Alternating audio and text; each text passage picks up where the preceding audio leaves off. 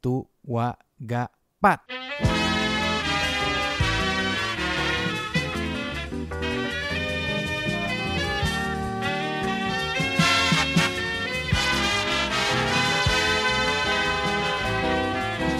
Anda sedang mendengarkan The Bernhard Para Show. Oke bro, halo. Woi, Ya. kita mulai ya. Boleh. Tadi lo ketiduran. Iya anjir. Kenapa? Gue udah set alarm, gue udah set alarm jam 2, tapi kayak Hmm. anjir gak bangun. Harus ditelepon ya banguninnya ya. Special service ya. Aduh. sorry, sorry, sorry. Nggak apa-apa, nggak apa-apa. Apa kabar Evan? I'm good, I'm good. Puji Good. Tuhan, Bang. Gimana Baik. kabar? Alhamdulillah baik semua. Ini akhirnya kita jadi juga bikin podcast ya selama beberapa Ya, lama akan bikin podcast ya. Oke. Gimana ya?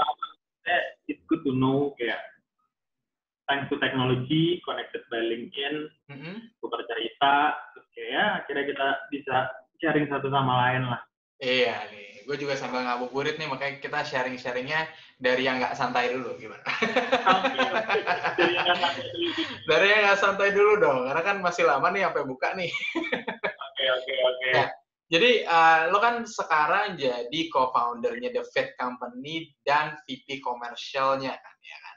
Siap, siap. Di mana mungkin gue pengen tahu dulu dong role lo nih sebenarnya ngapain sih sebagai co-founder dan VP komersial di, The- di The Fit Company? Oke. Intinya ya, kalau udah ngomong komersial, komersial ya cari duit, bro. Oke, Jadi intinya kayak yang ngomongin VP komersial, gue ngelit tim eh, business development atau sales. Eh, by the way, kalau suara gue nggak jelas, kasih tahu aja ya. ya ya. Ini gue berusaha kencang mungkin karena lagi nggak ada headset. Oke oke, tapi jangan teriak-teriak ya. Iya, itu kayak gue sekarang eh, apa namanya ngelit eh, tim business development, Hmm? tim operation, sama tim tim tim commerce, eh, customer service sebenarnya. Oke. Jadi selain cari uang ya gue berhubungan bener-bener yang berhubungan dengan eksternal yaitu customers dan ya customers, merchants, eh, apa namanya eh, partners. Gitu. Jadi eh, itulah kalau ngomongin skopnya komersial itu sekarang di sana. Jadi yang berhubungan dengan kayak apa pun yang kita lakukan aktivitasnya itu satu making money for the company, yang kedua itu making relationship. Oke. Nah, dan The Iya. Fit Company itu sebenarnya bisnisnya tuh apa aja sih? Bisnis modelnya tuh gimana sih? Oke, jadi kan kalau sekarang ngomongin the Fit Company, ya kita panggilnya Fitco aja lah sekarang, karena gue udah jadi satu.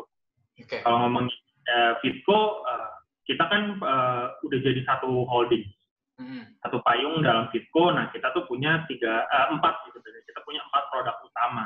Oke. Jadi kita punya, kita kan ngebagi dalam pilar-pilar gitu kan. Jadi Hmm. kita punya si pilarnya Move, Move itu yang bener-bener aktif. Nah, aktif ini kalau mungkin yang dengerin teman-teman tahu itu punya pernah dengar namanya Quantic Fit. Mhm. Jadi 20 fit uh, olahraga yang kalau orang tahu tuh di setrum. Apa? Sorry bro, tadi kurang uh, kedengeran. Pilar kita yang pertama. Yang tadi 20 Fit tuh apa gimana? 20 fit Ah, olahraga yang pakai kayak pakai suit gitu kayak dikasih kayak kejutan listrik gitu loh. Setrum-setrum Iya, iya. gitu. Ya, kebetulan mau nyokap gue juga pakai 20 Fit. Jadi gue ngerti lah 20 Fit gue. Ah. Gitu. terus terus ada apa lagi? Tapi, ya. Tapi kan sekarang 20 fit atau 20 fit nggak cuma sekedar olahraga yang di studio, tapi kita juga punya fitness center-nya. Oke. gitu. Tapi ya ada ada bakal ada pengembangan-pengembangan lain dari kelanjutannya. Lalu yang kedua eh, kita punya si eh, Fit Gourmet. Fit Gourmet. Oh yang ya catering makanan sehat. Oke. Tuh, jadi kalau mungkin yang tahu juga nih dulu banget kita punya namanya Fit Local itu di tahun 2017-an. Oke. Oh, kita punya Fit Local. Nah, dari Fit Local kita gabung sama catering tim gourmet jadi namanya Fit Gourmet sekarang. Oke. jadi namanya Fit Gourmet sekarang. Nah, Oke. Ya, eh, pilar yang ketiga itu kita punya retailnya atau shopnya kita namanya Hmm. fit shop nah Oke. sebenarnya fit shop itu gabungan dari dua produk kita terdahulu Mhm. kita tuh dulu punya company namanya Credo Aum Mhm. jadi Credo Aum itu adalah company yang eh, supply alat-alat berat eh, fitness Oke. Jadi kayak apa ya kayak strength alat-alat strength kayak treadmill terus kayak elliptical dan barbell dan lain segala macam itu di Creator sama kita punya brand FMCG itu namanya Fit Fit Me, oke. ya jadi kayak instant noodle uh, ya you know uh, mie instan tapi kita bikin lebih sehat Oke. Nah, kenapa lebih sehat? Karena bahan utama bahan utama mie-nya itu kita pakai shirataki. Pakai apa? Sorry? Shirataki. Shirataki. Ya, jadi kayak fiber Oke. gitu. Dia, dia kayak apa ya, kayak tumbuhan di tumbuhan tapi kayak dia lebih lebih lebih lebih lebih kayak akan serat lah kurang lebih. Oke, Gitu. oke, oke, oke, oke. Nah, jadi ya itu kita kan sebenarnya punya tiga pilar. Jadi sekarang ada Fancy Fit, ada Fit Gourmet, sama si Fit Shop tadi. Nah, Oke. karena kita plan untuk bikin ini scalable, kita mau bawa itu semua eh, secara digital. Sorry, jadi ada tiga pilar apa empat pilar? Eh, secara produknya tiga pilar, ah. tapi tapi kita punya bisnis unitnya itu jadi tiga tiga apa namanya tiga tiga pilar, tiga produk gitu loh. Oke. Karena kan tadi kan, kan tadi ada si Fitme-nya itu sebenarnya Fitme terdiri sebagai brand sebenarnya bro. Oh gitu. Oke, oke. Iya, cuman Fitme-nya bisa dijual di Fit Shop gitu. Oh, jadi Fit Me itu suatu brand sendiri tapi ada di dalam Fit Shop, makanya lo pilarnya itu uh, 20 uh, yang Move, uh, Fit Gourmet sama retailnya itu ya. Jadi tiga pilar itu itu ya. Oh, betul kayak Oke, gitu. oke, oke, oke, oke. Nangkap gue. Nah, sekarang ke- kesibukan lo lagi ngapain aja sih? Kan sekarang kita lagi mengalami pandemi COVID-19. Iya, Apalagi ini kita ngomongin industri fitness nih, yang gue harus datang ke sana gitu kan. Gue aja yang biasa fitness sudah nggak bisa fitness lagi gitu. Tapi kegiatan lo, balik lagi nih sebagai co-founder dan VP komersial sekarang, itu ngapain aja? kalau ditanya ngapain aja yang pasti kita tetap kita tetap try to running the business. Hmm. Justru itu challenge kita uh, as an entrepreneur right now benar-benar gimana sih caranya make make the business itu run. Ya, Hmm. salah satunya yang kita lakukan adalah kita shifting di beberapa produk-produk kita. Oke. Yang paling jelas ditantang adalah fitness uh, industry. Oke. Ya kayak tadi lu bilang, semenjak fitness sudah pasti orang, eh sorry semenjak covid, fitness sudah pasti nggak boleh nggak boleh diakses lah, karena pun di, ditutup pemerintah dan lain-lain kan. Jadi Hmm. yang kita lakukan sebenarnya dari fitnessnya sendiri kita shifting to digital. Oke. Itu yang itu yang dari fitnessnya. Mungkin nanti gue bisa jelasin lebih detail. Cuman kayak di beberapa produk lain, kalau yang kayak di catering, yes, eh, kita kan juga sebenarnya punya offline kan. Hmm. Kita punya offline. Nah sekarang yang kita lakukan dari cateringnya kita, selain kita punya apa namanya eh, pesanan, maksudnya bisa dipesan lewat aplikasi kita, kita juga harus agile dengan cara masuk ke GoFood atau nge GrabFood Oke. untuk bikin kayak express menu. Sama Pakai GoFood dan dari GrabFood ya. Tapi sebelum pandemi udah masuk GoFood GrabFood juga atau karena pandemi masuk GoFood GrabFood? udah masuk tapi belum di all in di sana. Oke. Gitu. Jadi banyaknya dulu pesanan dari mana tuh? Dulu langsung banyak kan aja. karena, karena, karena kita bentuknya catering kan. Mhm. Waktu kita sebenarnya bentuknya sebagai ya udah as catering aja, kayak cari korporat dan segala macam. Oke. gitu. Oke, dan Dan- sekarang justru ke- lebih ke consumer langsung ya, karena lewat Tapi GrabFood sama Go. GoFood ya. Oke. Sama ya itu karena we need to agile juga ya. eh, kita bikin menu-menu yang kayak ready to eat.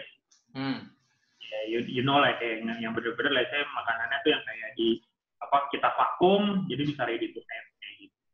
Oke. Cuma kalau yang dari retailnya ya yang kita agile juga kita sekarang punya namanya fit market. Oke. Jadi benar-benar jual-jualan produk-produk fresh, sayur, buah, daging, eh, ikan, dan masih banyak lagi roti. Oke. Itu sih kalau ngomongin agile. Oke, dan Cuma- dan itu ah, ah. Cuman ya kalau dari guanya sendiri, gue sekarang lebih banyak in hands, eh, hands-on ke 20 fit-nya nih. Oke. Karena ya apa namanya ya, lihat-lihat keadaan kayak gini, kita semua dari manajemen kita bagi tugas. Gitu. Oke. Siap, siap. Oke, mungkin kalau 20 Fit itu gue pengen bahasnya di paling akhir nih. Gue Siap, pengen siap. bahas yang retailnya dulu sama yang gourmetnya dulu. Oke. Oke, Nah, ngomongin soal retail, itu kan retail itu ada tokonya apa gimana sih bro? Di setiap store 20 Fit atau uh, apa namanya tempat fitness 20 Fit ada retailnya juga apa gimana? Iya, jadi eh, kita kita ada apa namanya kita ada kita punya kayak pop up store lah gitu. Hmm? Karena Quantifit juga kita cabangnya lumayan banyak. Di Hmm. setiap cabang itu pasti ada ada ada pop up store-nya kita. Ada berapa cabang sih sekarang? Kalau yang ya kita total tuh punya eh, di- 15 cabang. 15 cabang. Dan itu di Jabodetabek aja atau di luar Jabodetabek ada? Jabodetabek aja sih. Tangerang pun cuma satu gitu. Oke. Nah, kayak gitu. Jadi kayak ya dari dari dari 15 lokasi yang kita punya itu ya apa namanya kita taruh pop up store kita di situ untuk Oke. untuk kita sebagai salah satu channel distribusi juga. Oke. Nah, pertanyaan gue adalah tadi fit market ini berarti ada karena ada pandemi ya? Iya betul. Oke, ya kan? Kalau fit market. Iya, nah kalau misalnya fit market ini ada karena pandemi, dan lo jualnya makanan-makanan uh, fresh juga di fit market itu ya, Hmm. gue rada bingung sih sejujurnya, kenapa fit market masuknya ke retail nggak ke yang fit gourmet? Hmm. Karena kan balik lagi kita punya channel retailnya di shop. Hmm, Ya kalau nih kalau gue mau buka-bukaan sebenarnya dari awal harus buka-bukaan dong. Iya. sebenarnya yang, yang kita lakukan awalnya ya udah Ah. pasti belum kita stokis kita jual bahan-bahan utama kita dulu. Oke, Bahannya bahan-bahan ke gourmet sebenarnya kita jual. oke. Tapi ya channelnya kita jual dari si shop itu. Oh, jadi ya- tadi, tadinya lu cuma jual yang olahan, tapi sekarang lu jual dari yang sebelum diolah gitu ya? Iya. Ah, iya, iya. karena ya you know I have to saving cost dan lain-lain. Iya, iya. Jadi ya mulainya sebenarnya dari situ. Pas kita jual, wah ternyata rame nih.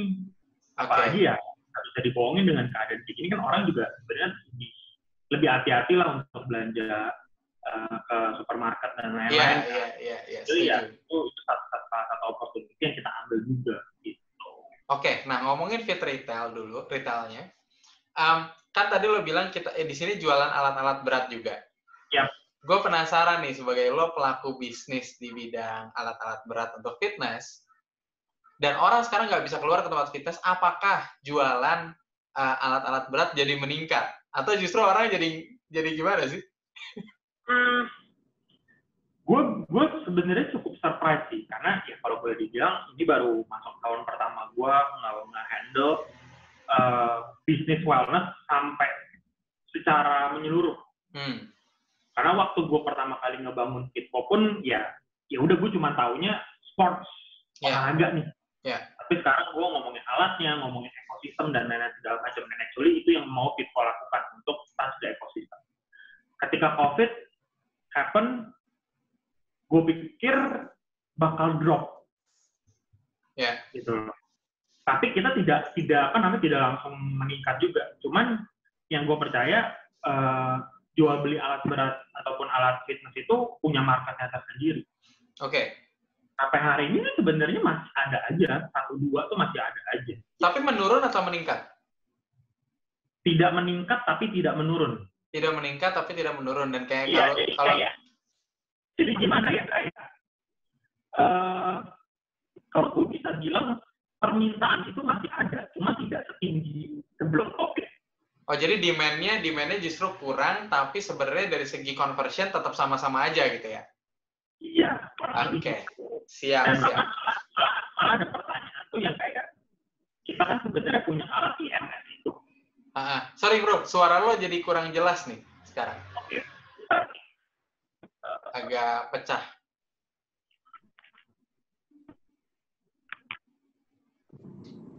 Nah, oke, Ini aman. Aman banget. Wah ini lebih jernih jauh. Oke, gini aja ya. Iya, Oh, jadi ini dong. Quality-nya nggak berubah. apa-apa, nggak apa-apa, nggak apa-apa. Yang penting kan kontennya. Nah, Oke, sip. Hmm. Jadi sebenarnya kayak gitu ya, conversion tetap sama aja, cuma demand jadi menurun gitu kan. enggak, tadi yang selalu, selalu gue bilang kayak, kita kan sebenarnya di Planted itu punya alat khusus yang namanya IMS kan. Hmm, hmm. Itu Jadi- yang yang nyetrum-nyetrum itu ya? Itu yang alat Iya, iya. orang tuh yang kayak bahkan tuh yang kayak tanya itu itu dijual nggak sih Hmm. gitu ada lah maksudnya gue nggak bilang banyak tapi ada lah yang menanyakan kayak itu dijual nggak sih dan kalau dijual harganya berapa dan lain-lain Hmm. dan kita juga come up with the idea mau sewain alat-alatnya kita Oh disewain. Yes. Oke oke. Berarti lu nggak bisa nggak harus ke sana untuk nyetrum diri lu, tapi lu nyetrum di rumah bisa ya? Tapi Siap. Alatnya bukan cuma si setrum setrum- si IMS itu bahkan Ah. ini cuma mau sewa dumbbell 20 kilo dumbbell 20 kilo bahkan kayak mau sewa-sewain yang kayak eh, kita bilangnya alat fungsional lah ya Ah. Jadi kayak alat fungsional yang bisa ini itu mereka ada aja Mereka- Tapi itu udah, udah, udah berjalan belum sih? udah udah berjalan Oh, udah berjalan. How is it like orang yang beli kan tadi tetap sama-sama aja nih, tapi kalau yang nyewa gimana? Ya itu gue bilang yang nyawa sebenarnya kayak sekarang satu dua ada, tapi gue tidak open itu for public. Hmm? Eh, bahkan gue nargetinnya itu sebenarnya ke members-members gym kita dulu. Oh gitu. Karena ya itu Oke, gue oke. kalau ibaratnya tidak, apalagi ngomongin nyewa nih, banyak yang harus dipertimbangin lah. Cost, Iya. cost gym.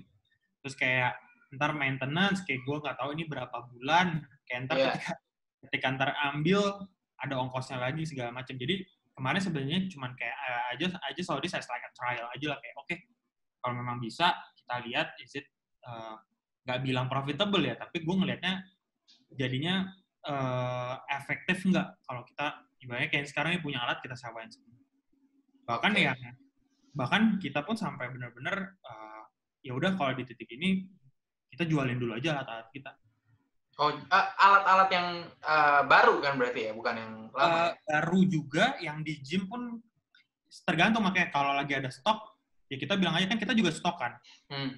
kita stok ya udah kalau memang yang di stok mau dihabisin habisin dan Hmm. ibaratnya kalau ada yang tertarik untuk beli alat-alat kita yang di tempat kita jaga ya udah Lo sampai alat-alat yang di gym lo aja lo jual gitu ya.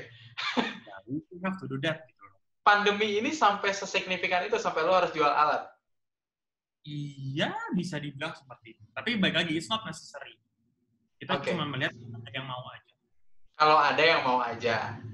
Bukan yang tiba-tiba jadi jualan BU Iya iya iya. Oke oke oke. Nah oke itu masalah retailnya nih.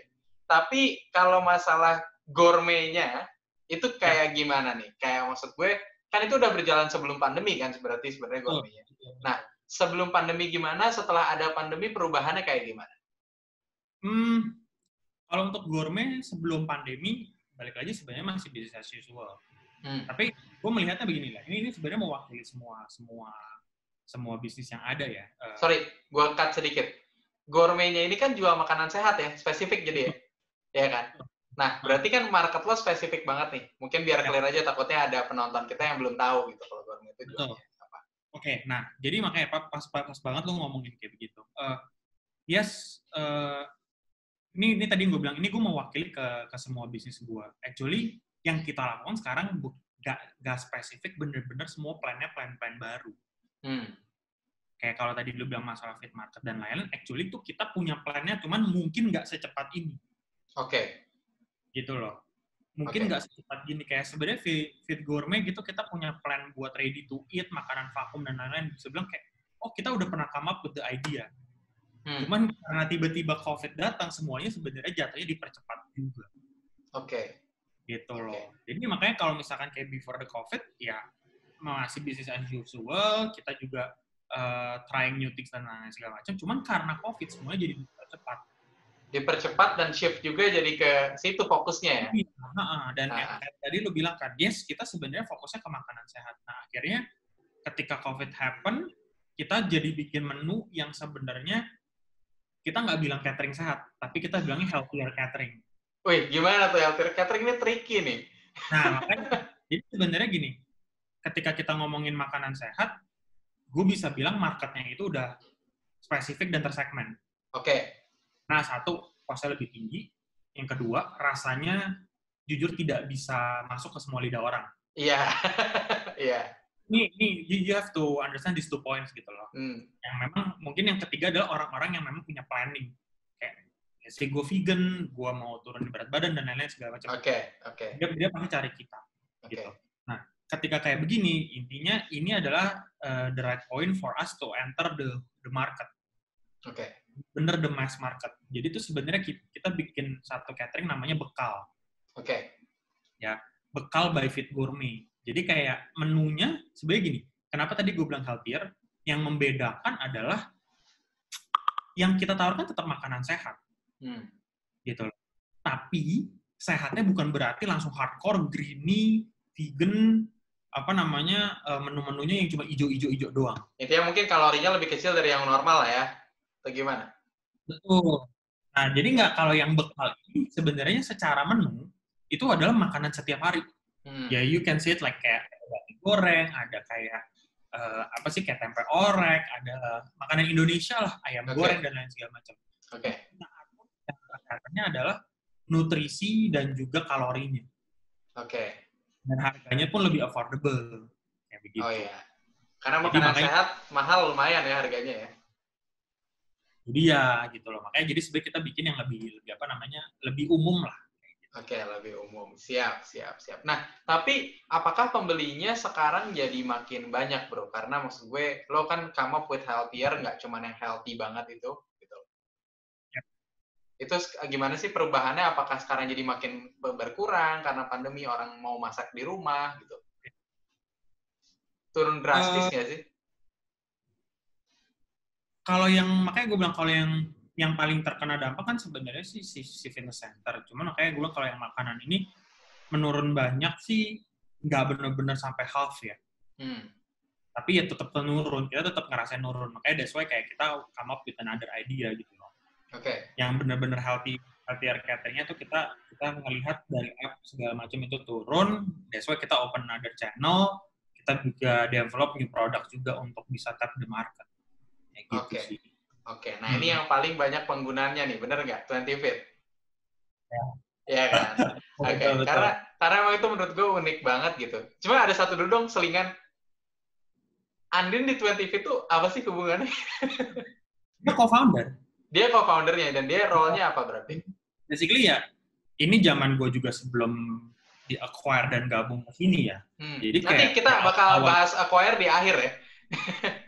ya biar Oke. intinya ya Andin juga orang-orang pertama yang ngebangun si 20 Fit ini gitu ya. Oke.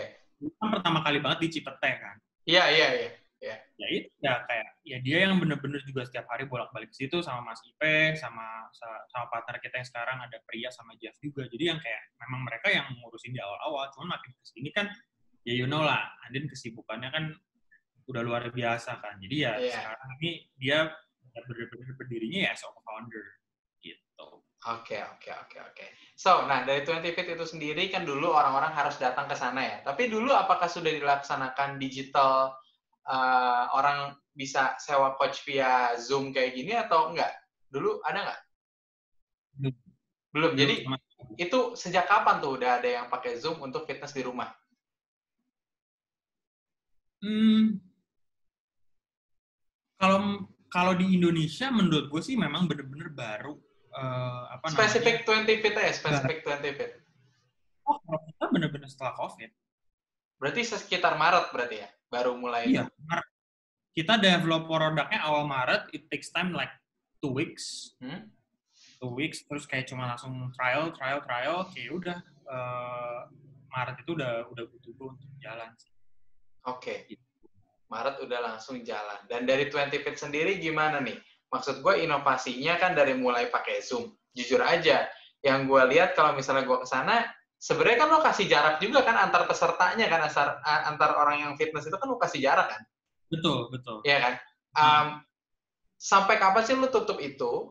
Maksud gue adalah pas kemarin COVID datang langsung ditutup atau gimana? Lo sebenarnya berharap sebenarnya bisa nggak sih ini dilakukan gitu? Ada COVID pun tetap buka juga nggak apa-apa kok. Menurut lo gimana? itu dia gue malah ya kalau ngomongin 20 fit sebenarnya kan kita yang lebih gimana ya kalau yang 20 fitnya sendiri yang studio ya yang Hmm. IMS itu kan sistemnya personal training Iya. jadi kayak let's say cuman gue sama lu we can do physical distancing gitu loh Iya, iya. kalau ngomongin yang gym center ya itu yang agak problem karena crowded kan Iya, iya, iya. kalau mau ngomongin ibaratnya tidak ada himbauan yang terlalu keras sih gue sebenarnya pengen buka-buka aja karena Sebenarnya buka-buka aja kalau dari segi itu bisa comply ya dengan dengan dengan Nah, karena sebenarnya member kita pun ada yang nanyain kayak boleh nggak sih saya tetap datang kayak diem-diem dan lain segala macam. Tapi Iya. mereka gue buka-bukaan kayak the very first thing yang akhirnya kita decide untuk close tuh yang gym center kita tuh didatangin polisi bro. Oh iya, gimana ceritain dong soal itu?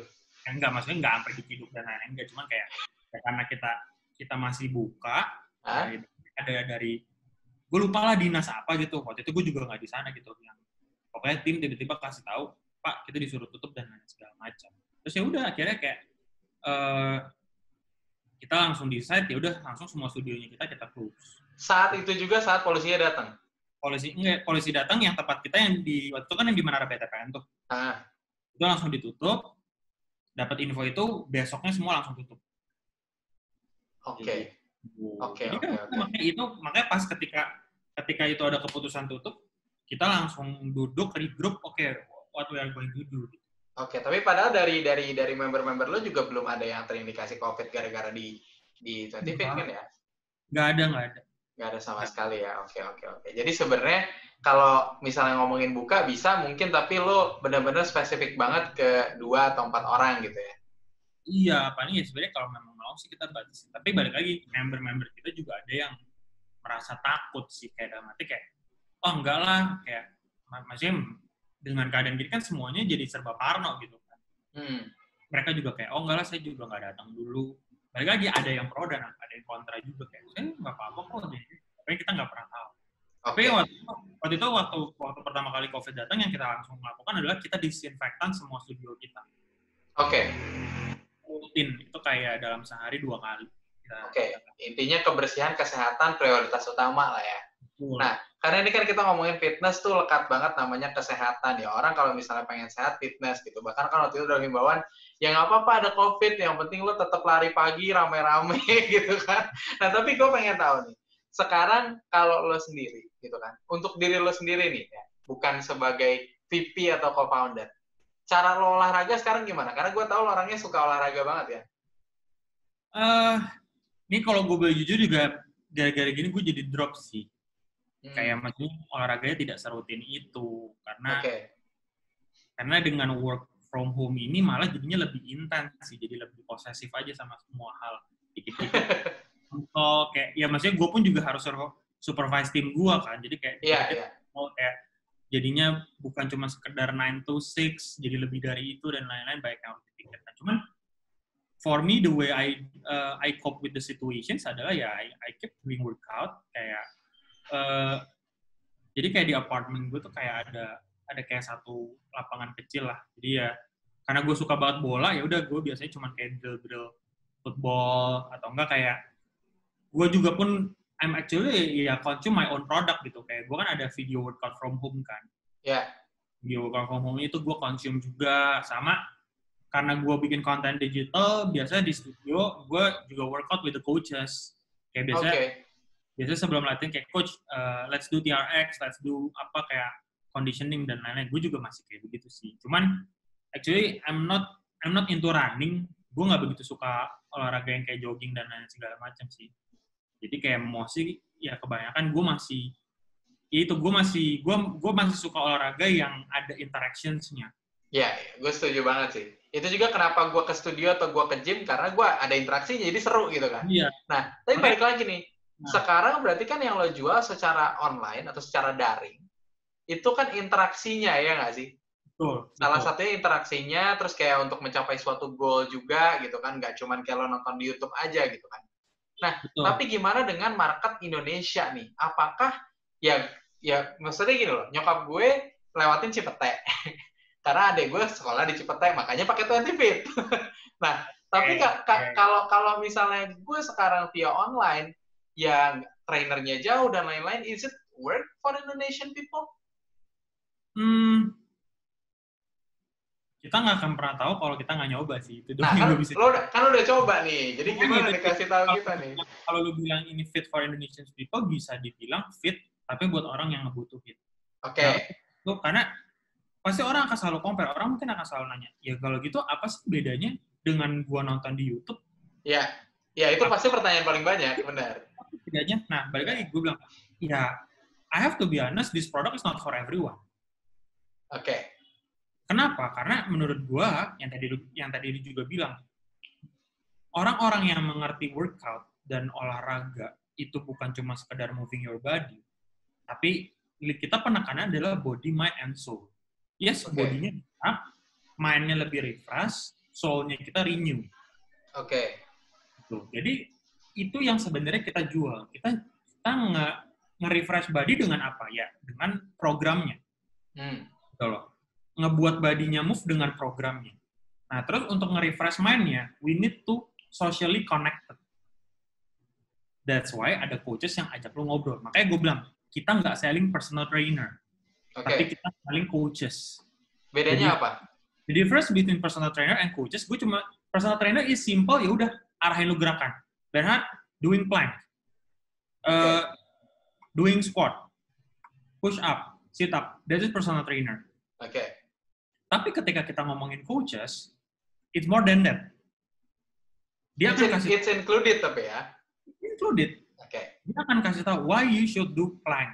Plank itu will help to uh, form your uh, side of body yang mana.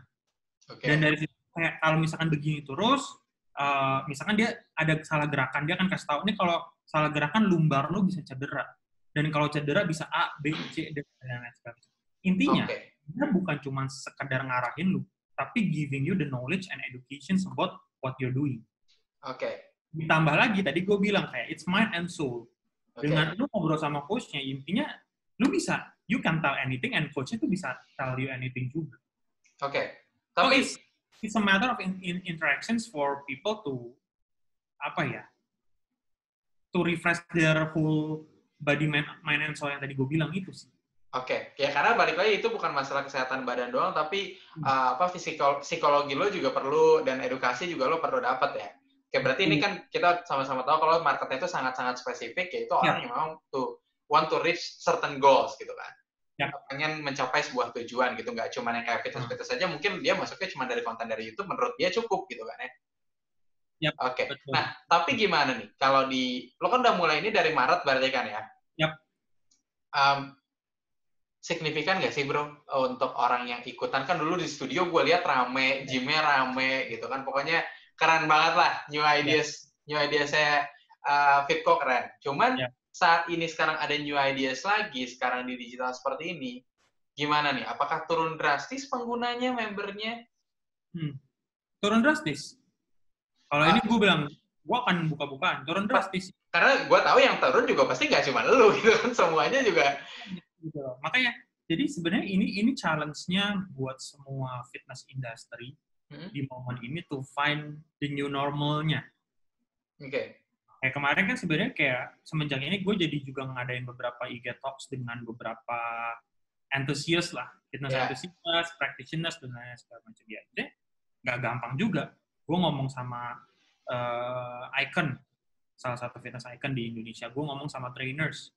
Gue ngomong sama yang memang ngelakuin di bisnisnya. Bilang, ya it, it's a challenge for everyone. Karena mostly bisnisnya kita adalah di offline. Oke. Sekarang kita harus onlinein semua. Oke. Apakah apakah yang tadi dibilang signifikan? Ya, kita sekarang nggak bisa langsung bilang, oke ini works, ini nggak works dalam cuma waktu satu bulan. Iya, karena masih testing juga dan ini sudden banget kan, tiba-tiba gitu kan. Ya. Tapi yang gue lihat, ini kalau gue tadi mau ngomongin lagi sem- uh, an overall, ya, ini gue melihatnya gini. I think COVID ini sebenarnya blessing in disguise juga. Ya. bro. Karena kalau tidak ada COVID ini, gue bisa dibilang tidak punya momen yang tepat untuk benar-benar resetting all the business, kita review semua bisnis kita, kita review semua operationals dan modelsnya kita, and then retune lagi nih, sebenarnya the right thing to do-nya gimana. Ada nggak sih penurunan sampai 90% bro untuk member? Hmm, gue nggak bisa bilang spesifik di percentage-nya ya, cuman Hmm. kayak ya near far segitu. Hampir segitu ya, hampir 90% ya. Ini nggak benar-benar 90% sih. Oke, ya Cuman- tapi ya maksud gue ya balik lagi ini kan industri yang kena nih, bukan satu perusahaan gitu kan. Sa- eh, apa aja sih sebenarnya di industri ini tuh ada apa aja sih pemainnya siapa aja sih bro? ya sebenarnya I don't know gue boleh nyebut brand apa enggak ya cuma kayak, Oke, major playernya aja lah. ya, saya kayak pasti kayak everyone's know like celebrity fitness kayak Hmm. fitness first terus kayak Hmm. Gym mungkin kalau yang butik-butik gym tuh kayak ya we can say like F45 terus Oke. kayak eh, Sana Studio eh, Oke. Empire Up, terus kayak masih masih baik lagi sih cuman maksudnya itu kayaknya yang well known sih yang kayak orang orang cukup familiar Oke, nah tapi kalau gue balik lagi ya ke ke ke Fitco, uh, saat menggunakan Zoom ini, ya balik lagi gue gue jujur ngelihat gue gue kan pakai celebrity fitness. Oke Bukan karena gue nggak mau pakai Fitco nih, jangan sensi dulu nih. Nanti gue coba nih, cuman karena waktu itu gue udah daftar kan ada kontraknya kalau fitness kan. Jadi Yap. kontraknya setahun lu nggak bisa pindah-pindah seenak jidat gitu kan.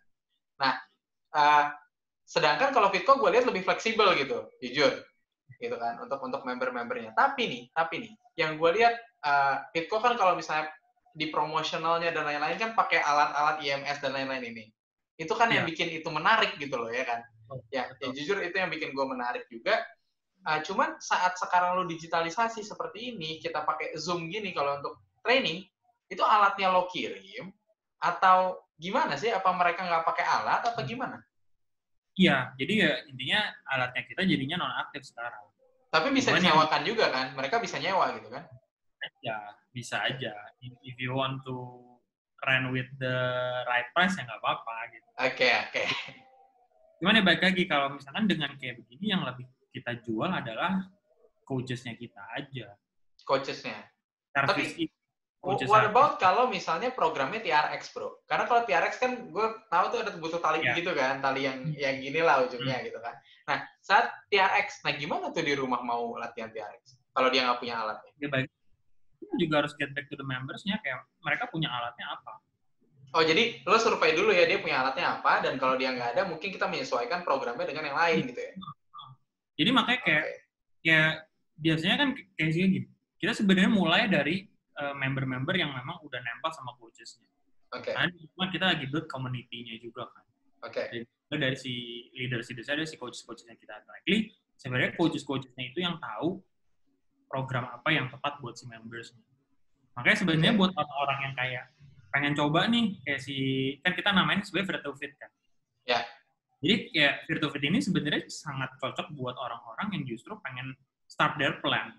Hmm. Kenapa? Karena ketika misalkan gue mulai, gue baru pertama kali tahu lu sebagai klien dan gue coaches, yang gue lakukan adalah sebagai coaches adalah namanya fitness orientations. Oke, Nah, jadi di fitness orientations itu intinya adalah kita akan tanyakan plan lu apa, kayak lu punya masalah nggak di badan lu, pernah ada sakit-sakit nggak di mana, terus kayak lu nih tipikal yang memang workoutnya rutin atau sebenarnya nggak pernah olahraga sama sekali. Nah, dari situ coach-coach kita akan form the program. oke. Nah Oke. dari situ sebenarnya kayak ya makanya gue bilang walaupun tanpa alat pun ya kita bakal bantu untuk bisa uh, set up programs for the clients. Gitu. Oke, kita udah tahu lah sekarang kalau misalnya masalah orang-orang udah benar-benar tahu tentang Fitco itu apa, sekarang ada apa aja, produknya dan lain-lain. Tapi sekarang gue mau tahu nih, saat kita ngomongin, oh fitness ditutup, yang kena kan nggak cuma membernya aja, ya nggak sih? Yang Ya, kena ya. juga karyawan-karyawannya, lo sendiri sebagai BOD gitu kan. Bisa diceritain nggak sih sekarang keadaannya itu gimana? Ini keadaan apa company atau? keadaan company-nya karena ya balik lagi lo kan dapat dari subscription base which is membership kan. Yap. Nah saat sekarang kayak gini pasti membership turun. Yap. Ya kan membership turun orang nggak mau bayar dan lain-lain lah kita ngerti lah itu ya. Cuman ya karyawan kan butuh digaji bro. Betul betul betul. Gimana tuh? Oke, eh, ya balik lagi, it's not easy for for uh, for the company and me personally gitu. Karena uh, gue nggak bisa bilang, tapi there's a lot of decisions yang we need to take to make sure the ship is still sail gitu loh. Oke. Jadi uh, kita sekarang uh, operate with very limited power. Oke. That's why kayak bahkan kayak emosi yang kita call like a BOD dan lain-lain itu turun lagi untuk work things out. Yang nggak yang tadinya cuma strategi sekarang eksekusi lagi ya. Jadi ya kita semua di challenge itu. Bahkan yang mungkin yang execute pun sekarang juga harus think the strategic way. Oke. Jadi makanya Jadi kayak dua-duanya justru harus menyesuaikan secara dinamis banget ya. Jadi makanya ya, itu dynamic sih. Cuma balik lagi yang tadi gue bilang, eh, walaupun ini lagi lagi kita bilangnya masa sulit lah. Kita bilangnya Oke. winter. Gitu. Walaupun ini lagi Wih, winter is coming ya. ya it's already coming gitu. Udah di sini ya. Jadi kayak walaupun kita lagi winter gini, balik lagi yang gue bilang, ada blessing in disguise. Justru uh, as a company, kita jadi bisa regroup lagi Hmm. and takes time untuk sebenarnya ini North Star-nya kita tuh udah tepat atau belum. ya. Oke. Jadi makanya gue bilang, ini, ini despite of the winter yang tadi gue omongin, ya, Iya, iya, iya. ini adalah gue cuma bilang kayak oh ya udah it's it's it's a good time kalau memang mau reset let's do reset gitu Oke. kalau memang kita mau kalau memang kita mau ibaratnya eh, shifting pivot pivot ya ini ini ini momen yang tepat Oke. Oke, jadi ini momennya lagi tepat banget buat pivot. Oke, berarti kalau Iya. ini kita relasi relasinya sama strategi nih. Nah, saat kita Betul. ngomongin strategi, sebelum pandemi, sebenarnya strategi lo untuk di Fitco ini eh, lagi agresif-agresifnya nggak sih? Lagi agresif banget. Lagi agresif banget kan? Gue lihat nih, oh gila nih, Fitco nih agresif banget nih, gaining member dan lain-lainnya gitu kan. Cuman saat tiba-tiba pandemi, apakah ada perubahan strategi dari segi agresivitasnya tadi? Ada sih. Jadi gini, mungkin gue balik dulu ke visionsnya. Hmm. Ini vision Fitco adalah kita mau bikin uh, Indonesia 250 juta orang yang ada di sini punya gaya hidup yang aktif dan sehat. Oke, Itu salah satu visinya kita. Dan oke, duanya kita yang kita work on adalah kita pengen bikin coaches itu jadi highly regarded job. oke, Yang dimaksud dengan highly regarded bukan cuma sekedar berapa besar uang yang diterima, tapi gue pengen gue melihat gini loh. Ini ini start with with the with, with the holidays content lah, keresahan. I- Ibaratnya kayak di luar negeri tuh kalau lu lihat personal trainer, you will look up to him, her, Oke. him, her lah. oke. You will look up to them. Tapi kayaknya kalau di sini tuh masih banyak yang kayak, oh ya, gue coaches, tapi gue tuh kayak jadinya, lu bosnya gue akan ngelayanin lu. Oke, oke, oke. Ngerti gue. Gue pengennya nggak begitu. Kenapa? Karena ketika kita ngomongin coaches, ketika let's say kita ngomongin personal trainer, ini orang yang bakal push you to do, to your limit untuk bisa achieve goals lu gitu. Jadi jangan si klien yang merintah coachesnya gitu loh. Harusnya coachesnya yang akan eh lu nih ikutin program gua, commit dan lain segala macam. Kalau lu nggak commit, there's a punishment dan lain-lain segala Dan itu perubahan mindset dan itu berat banget pasti untuk dilakukan, betul? Gitu. Iya. Gitu. Jadi nah, jadi makanya tadi balik ke situnya dulu. Nah, strategi sebelumnya ya itu kalau lu tahu kita expand tempat, cabang dan lain-lain segala macam. Kita kan buka kan eh, lumayan agresif, buka di mana dan segala macam. Dan ketika Covid ber ya udah constructions terus kayak plan to open udah pasti mundur semua nih. Oke. Nah, di situ sebenarnya ya udah kita sebenarnya jadi meriset kayak, oke, is it is it is it uh, apa ya the right thing to do? Kalau misalkan COVID nggak terjadi, belum tentu juga. Tapi yang gue tahu adalah ketika ibaratnya sekarang COVID happen, Oke. mungkin ya visinya yang tadi dibilang untuk bisa menyehatkan orang eh, Indonesia secara umum, secara luas, itu jadi lebih mudah. Oke. Dengan apa? Karena apa? Semua orang udah go digital. Iya, iya. Yang ibaratnya, kalau kita punya spa- something specific program yang dulu cuma bisa dinikmatin orang Jakarta, gue cuman se-easy lempar itu ke online dan mungkin orang di Makassar, orang di Bali, orang di Medan, Surabaya udah bisa liatin, udah bisa nikmatin itu. Oke, tapi gue pengen lebih spesifik lagi soal strategi. Gimana gini? Lo pernah ngomong nih ke gue, after COVID ini selesai, yang kita nggak tahu kapan, bisa sampai Agustus, bisa sampai Desember gitu kan, gue gue juga nggak tahu sampai kapan. Lo bilang kalau habis COVID nih, ada kemungkinan lo bisa own the market. How? Ya. What is the strategy? Oke, eh, sebenarnya strategi simple mulai dari karena gue cukup optimis abis dengan keadaan ini, abis ini semua orang bakal lebih concern soal gaya hidup sehat. Oke, ya gua gue cukup optimis. Karena ibaratnya ya udah tahu covid itu isunya adalah apa. You uh, apa ya you you have to be uh, strong uh, strongly in in your immune gitu loh. Oke, dan jadi salah satu cara menjaga imun paling baik adalah sebenarnya olahraga. Oke, Ya, bukan olahraga sih kayak olahraga makan sehat terus kayak uh, ya jaga higienitas dan lain-lain segala macam. Yang bersyukurnya semua yang tadi gue omongin itu bisnis gue own it. Oke, gitu loh. Nah, jadi makanya gue bilang kayak talking about strategi, gue cuma lihat wait and see on the market oke. gitu loh. Kalau dibilang sekarang Fitco ini di- dibanding kompetitor kita nomor berapa, gue juga nggak bisa divine. Oke, tapi di mindset lo nomor satu dong. Iya, iya. Ibaratnya kayak apa ya? eh, belum ada chart yang menentukan oke company lu nomor segini segini sih dari segi apa misalkan kan kalau kayak startup-startup kayak Gojek, Tokopedia dan lain mereka udah ada numberingnya kan Iya, iya. Ini kalau di wellness ini belum ada gitu loh. Nah, gue cuma melihat untuk kita bisa wave the, eh, apa namanya ride the wave, kita cuma cuman butuh survive aja sekarang. Kita cuma butuh survive sekarang dan lo yakin ini bisa survive ya? dan gue sangat yakin ini kita bisa survive. Karena itu yakin tuh sampai Agustus apa sampai Desember? Karena beda nih. Uh, Kalau sampai Agustus aman nggak menurut lo? actually sebenarnya setelah omongan itu, gue bisa bilang gue bisa survive selama mungkin sih sebenarnya. Wih, kenapa kenapa nih? Karena ini berbeda dengan yang kemarin. Gue nggak mau open itu dulu. Oke oke. Just my act of good faith aja. Oke oke. gue kayak, I think, uh, I think the point adalah kayak gue gue gue gue cukup yakin abis ini semua orang akan konsen sama gaya hidup sehat Ya, dan gue melihat marketnya tidak semua bisa langsung apa ya bisa langsung bounce back ketika ntar balik ke normal. oke. Even gua ya, maksudnya even even Fitco sendiri mungkin kita nggak bisa langsung boom oke 100% langsung back to normal dan lain sebagainya. Oke. Tapi yang gua cukup optimis adalah kayak kita itu udah jadi nomor satu, eh, bukan nomor satu, kita itu udah duluan eh, wellness company yang going to digital. Oke. Di situ lo bisa bounce back lebih bagus lah.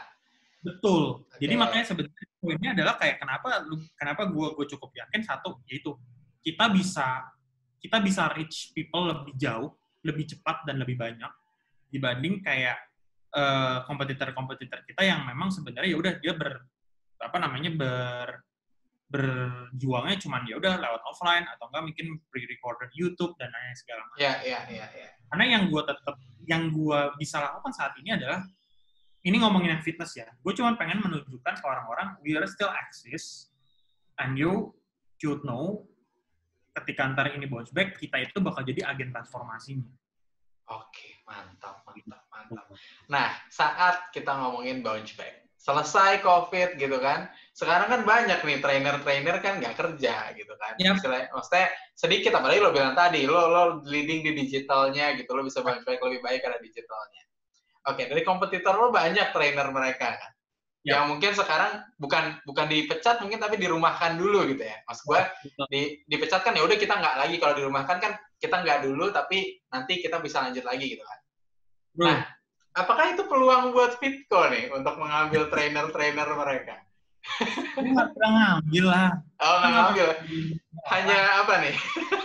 intinya lagi karena kita going to digital gue punya satu fitur namanya coach on demand ya gue cukup paham sekarang coaches-coaches mungkin karena yang tadi lu bilang di rumah dan lain-lain mereka juga harus agile Oke, mereka juga harus shifting mau nggak mau ya gue harus hidup lah gitu kan. iya iya. mungkin mereka punya klien-klien yang ibaratnya di luar dari gym.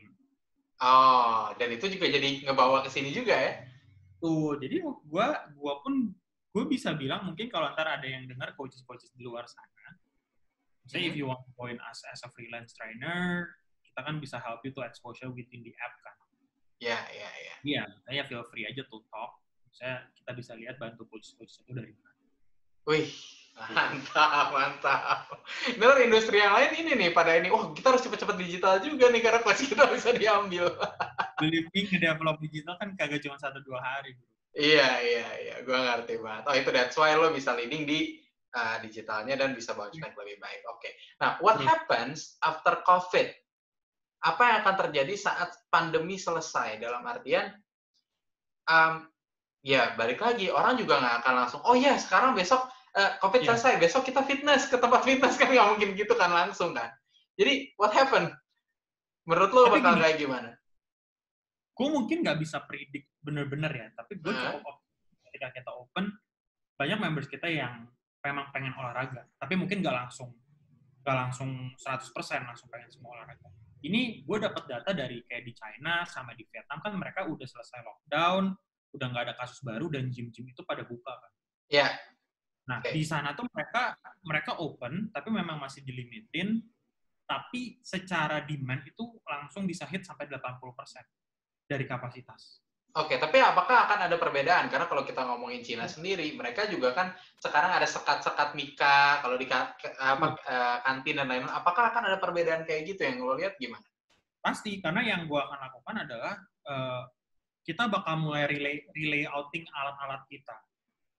Oke, Kalau you know like kayak treadmill aja kan bisa berjejer rata gitu kan. Kayak kita aja sekarang yang di salah satu gym kita treadmill kita punya ada sekitar 8. Mungkin kita akan kurangin. oke, kasih jarak. Karena biar ada jarak itu lagi balik lagi ya.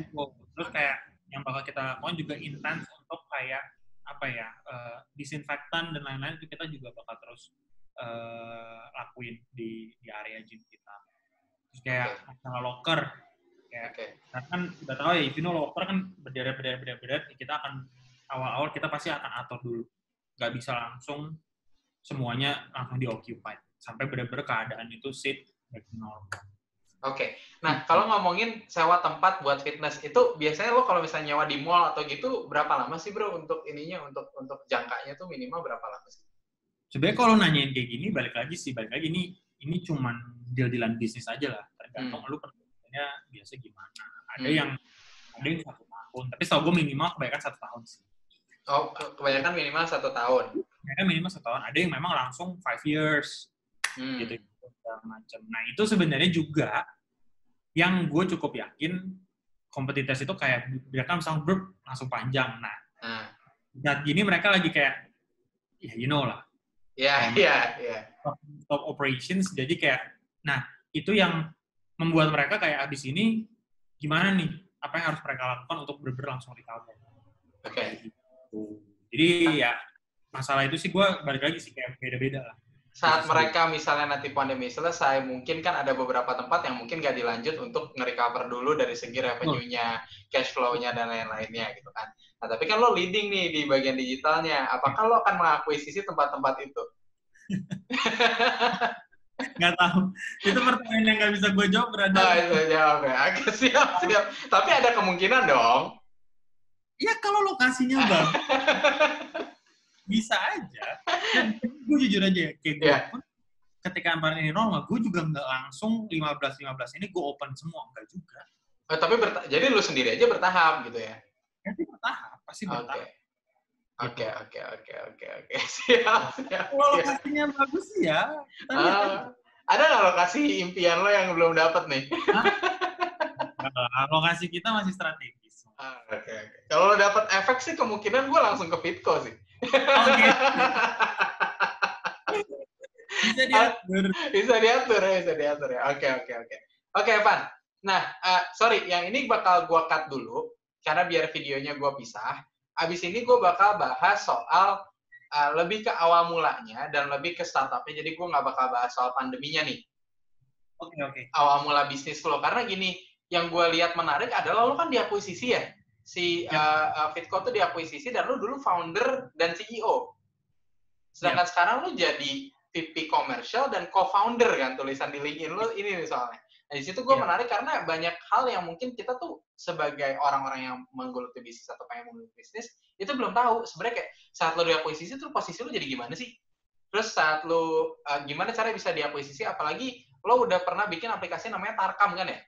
Betul, betul. Dan Tarkam di situ gue lihat di LinkedIn lo juga, lo bilang katanya situ sudah uh, exit ya, berarti udah ada yang beli ya, bagaimana? Udah, nah. di, ya di, diambil lah, di, di, di take over. Di take over karena gue pengen tahu lebih detailnya lagi tuh dari segi pembangunan uh, bisnis lo dan si Tarkam ini awal mulai gimana, apalagi lo jurusan marketing kan? Ini kan jauh banget ya. ya dari lo bikin aplikasi terus lo bikin tempat fitness mungkin kalau marketing masih masuk lah tapi bikin aplikasi it's a different thing dari mulai orang-orangnya dan lain-lainnya. Oke, okay? habis ini gue lanjut lagi dan terima kasih banget yang udah nonton episode yang ini. Kita akan ada episode yang lain nih sama Evan. So, thank you banget waktunya Evan.